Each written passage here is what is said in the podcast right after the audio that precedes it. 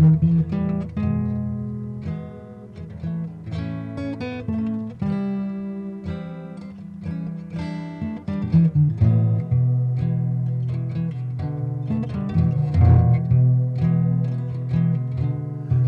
بكل مشاهدي ومتابعي القناة. من الأسئلة المتكررة التي دائما آه، تظهر في الفيديوهات التي تتحدث عن التطور هي كيف تفسر ظهور ونشوء الحياة. ونظرية التطور طبعا لا تجيب على هذا السؤال، النظرية تشرح كيف تتطور الأنواع بمعنى أن آه، آه، تبدأ من وجود كائنات حية ثم تنتقل إلى كيف تتطور هذه الأنواع وكيف تتغير أو يتغير الدي إن اي إلى ان إلى أن يصبح النوع نوع آه، جديد. والجواب يعني القصير هو العلم لا يعرف لحد الآن آه، آه، ليس هناك نظرية مقبولة علميا ومثبتة بالتجارب كيف تنشأ الخلية الحية من آه، خلال عمليات كيميائية لمواد آه، الأساسية لها. وطبعا هذا لا يعني أن العلم آه، يعني متوقف هنا، هناك كثير كثير من التجارب وهناك تقدم من حتى منذ تقريبا 100 سنة. في البداية لنضع ما هو الافتراض العلمي الآن لكيفية نشوء الحياة لأنها لأن نشوء الحياة ليس بالأمر البسيط. لوجود عدة أسباب. الحياة نشأت خلال 500 آه، مليون سنة.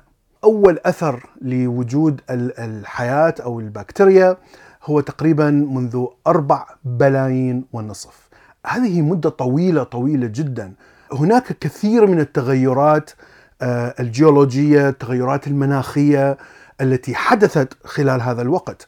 إذا حتى نعرف بالضبط كيف تطورت الحياة هناك عدة مراحل لتطور الحياة. كان التفكير قبل مئة سنة أن الحياة تطورت بشكل مفاجئ. وكان هناك تجربة مشهورة جدا آه، أجراها لويس باستور العالم الفرنسي المعروف آه، في نهاية القرن التاسع عشر.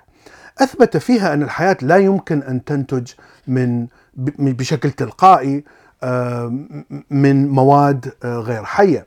وطبعا أثبت للجهتين جهة التي تدعي أن الحياة خلقت من إله لأنهم كانوا يعتبرون أن الإله قد وضع الميكانيكية حتى تنبثق الحياة يعني بشكل دائمي. وبهذه الطريقة نشأت هذه الأنواع مثلا الديناصورات وانقرضت. آه، ومن جهة ثانية جهة نظرية التطور آه الذي يقول العلماء أن نحن نعرف أن الأنواع تطورت لكن كيف نشأت هذه الأنواع؟ كيف نشأ النوع الأول؟ فإذا لابد أن الحياة تنشأ بشكل تلقائي. يعني كانت فكرة الحياة تنشأ بشكل تلقائي منتشرة. لويس باستور أثبتها بتجربة بسيطة جدا آه، في وعاء آه، معين وضع مواد الأولية حسب ما كان المفهوم في ذلك الوقت آه، كل المواد الأولية للحياة آه، يعني كان من المهم أن تسحب من الهواء وتقتل كل المواد الحية حتى البكتيريا. على هذا الأساس آه، أجرى التجربة ووجد أنه لم لم تنشأ أي خلايا حية من المواد الغير حية التي وضعها. فإذا العلماء يعني يعتقدون أن نشوء الحياة آه، مر بمراحل.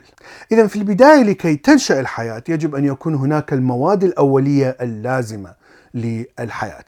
ما هي الحياة طبعا؟ نحن نعرف أن الحياة تعتمد على ال DNA ال DNA هو المحرك الأساسي للحياة. مكونات ال DNA يجب أن تكون موجودة شيء طبيعي وهي طبعا الأحماض الأمينية. المرحلة الثانية في آه، نشوء الحياة هي نشوء ما تسمى بال RNA البدائي.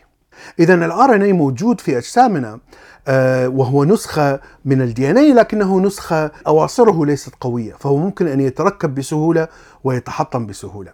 طبعا ال RNA في هذه المرحلة هو آه، يعني آه، يتركب ويتحطم أو أو يتركب شبيه له ويتحطم ليس بالمعنى الحقيقي للحياة وهي احتفاظ المركب بالتفاعلات الكيميائية داخله وقدرته على التناسخ. المرحلة الثالثة هي وجود مركب أو نسخ من ال RNA بعد فترة طبعا هذه النسخ استطاعت أن تبقى ولم تتحطم والعمليات الكيميائية فيها بقيت آه، واستطاعت أن تنسخ نفسها. والمرحلة الرابعة هي فعليا تحول هذا الار ان البدائي إلى دي ان اي ومن ثم تكون آه، الخلية الحية الأولى آه، والتي هي البكتيريا طبعا ليست هي الخلايا التي نحن نتكون منها لأن هذه الخلايا هي تختلف تماما لأنها تحتوي على ميتوكوندريا وأنا تكلمت عن هذا الموضوع في في فيديو البيضة والدجاجة.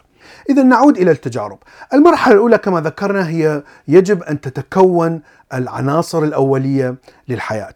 هناك تجربة مشهورة جدا تسمى ب Miller Urey experiment أو تجربة ميلر اوري وضعوا الغازات التي كانوا يعتقدون انها أنها موجودة في آه، الأرض في يعني قبل آه، أربع بلايين ونصف قبل حدوث الحياة ووضعوا الكيمياء اللي كانت موجودة في أيضا في الأرض في ذلك الوقت واستعملوا إشارة كهربائية طبعا لوجود الصواعق والبرق آه، في في جو الأرض في ذلك الوقت. فوضعوا الإشارة الكهربائية ورأوا أن هناك أحماض أمينية تكونت آه، في القاع المختبر. في عام 2015 هناك آه، فريق من الباحثين اكتشفوا أنه إذا وضعوا آه، سيانيد الهيدروجين وكبريت الهيدروجين آه، في مياه ووجود ال ultraviolet أو الضوء ما فوق البنفسجي ممكن أن يتكون منها بروتينات وهي المكونات الأساسية للخلايا الحية وأيضا الدهون أو ما تسمى بالليبيدز وهي أيضا مكونات أساسية الموجودة في آه، الخلايا الحية. هذه التجربة المشهورة آه، تثبت أن المرحلة الأولى من الحياة ممكن أن تتكون وبشكل طبيعي. آه، كما ذكرت أن أيضا وجدت الأحماض الأمينية وجدت أيضا في النيازك، اذا الأحماض الأمينية أو المواد الأساسية للحياة ليست نادرة الوجود، هذه تتكون بشكل طبيعي. التجربة الأخرى المهمة هي في الخمسينات من القرن الماضي والستينات. هناك عالم اسمه سيدني فوكس وهو اكتشف أن عندما تتكون هذه ال amino acid في المختبر وإذا وضع هذه ال amino acid في مكان جاف دافئ. رأى أن هذه الأحماض الأمينية تتشكل في سلاسل عنقودية تشبه كثيرا ال RNA وال DNA الان المرحلة المهمة في آه، في معرفة الخلايا الحية الأولى هي معرفة ما هو أقل عدد من الجينات التي تحتاجه الخلية البسيطة جدا أو ال RNA مثلا أو ال DNA حتى تستطيع أن تفعل كل وظائف الحياة الأساسية، ما هو تكوين هذا ال RNA البدائي الذي كان الأساس في آه، نشوء أول خلية حية، لأننا إذا عرفنا مكوناته يكون يعني أسهل بكثير أن نبحث عن وجود هذا ال RNA أو تصنيع هذا ال RNA مثلا في المختبر. في العشر سنوات الأخيرة استطاع العلماء أن يصنعوا دي إن اي في المختبر تماما واستطاعوا أن يزرعوا هذا الدي إن اي المصنع آه، داخل آه، بكتيريا ورأوا أن البكتيريا استمرت آه، في الحياة. فأعتقد أن هذه خطوات كبيرة جدا للوصول آه، هذا السر العظيم وهو آه، كيف نشأت الخلية الأولى. أعتقد أن العلم سيصل آه، في يوم يعني هي فقط مسألة وقت لأننا يعني فعليا في الطريق الصحيح لهذا الاكتشاف. في البداية كنا نظن أنها أنها يجب أن تكون فقط عملية كيميائية سريعة أو صدفة آه، هي التي آه، يعني بدأت شرارة الحياة وطبعا هذه فكرة ساذجة آه، لأن الحياة معقدة بشكل كبير فيجب أن تتكون على شكل مراحل وهذه المراحل تأتي في ملايين السنين يعني وليست يمكن تصنيعها في مختبر في ساعات. أرجو أن يكون هذا الفيديو مفيد ونراكم في حلقة قادمة وشكرا.